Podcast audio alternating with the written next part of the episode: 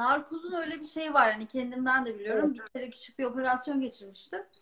Ee, şeylerden yani bir kalktım buralarım falan böyle dedim siz beni ne yaptınız? Bir Bağladık biz seni dediler. Neden?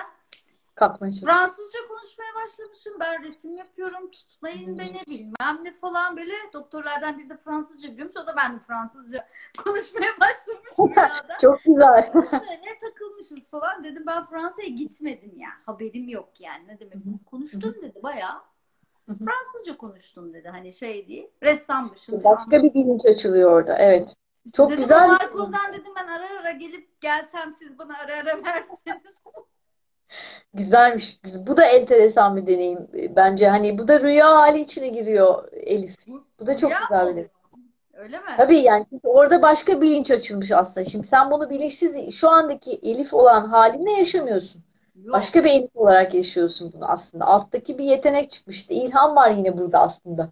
Yine başka bir kapı açmışsın. Resime mi sersem ne yapsam? Hiç de beceremem. Belki kullanırsın. Belli olmaz. Belki kullanırsın bunu. Belli olmaz. Ee, şeyler de yani üst üste ayak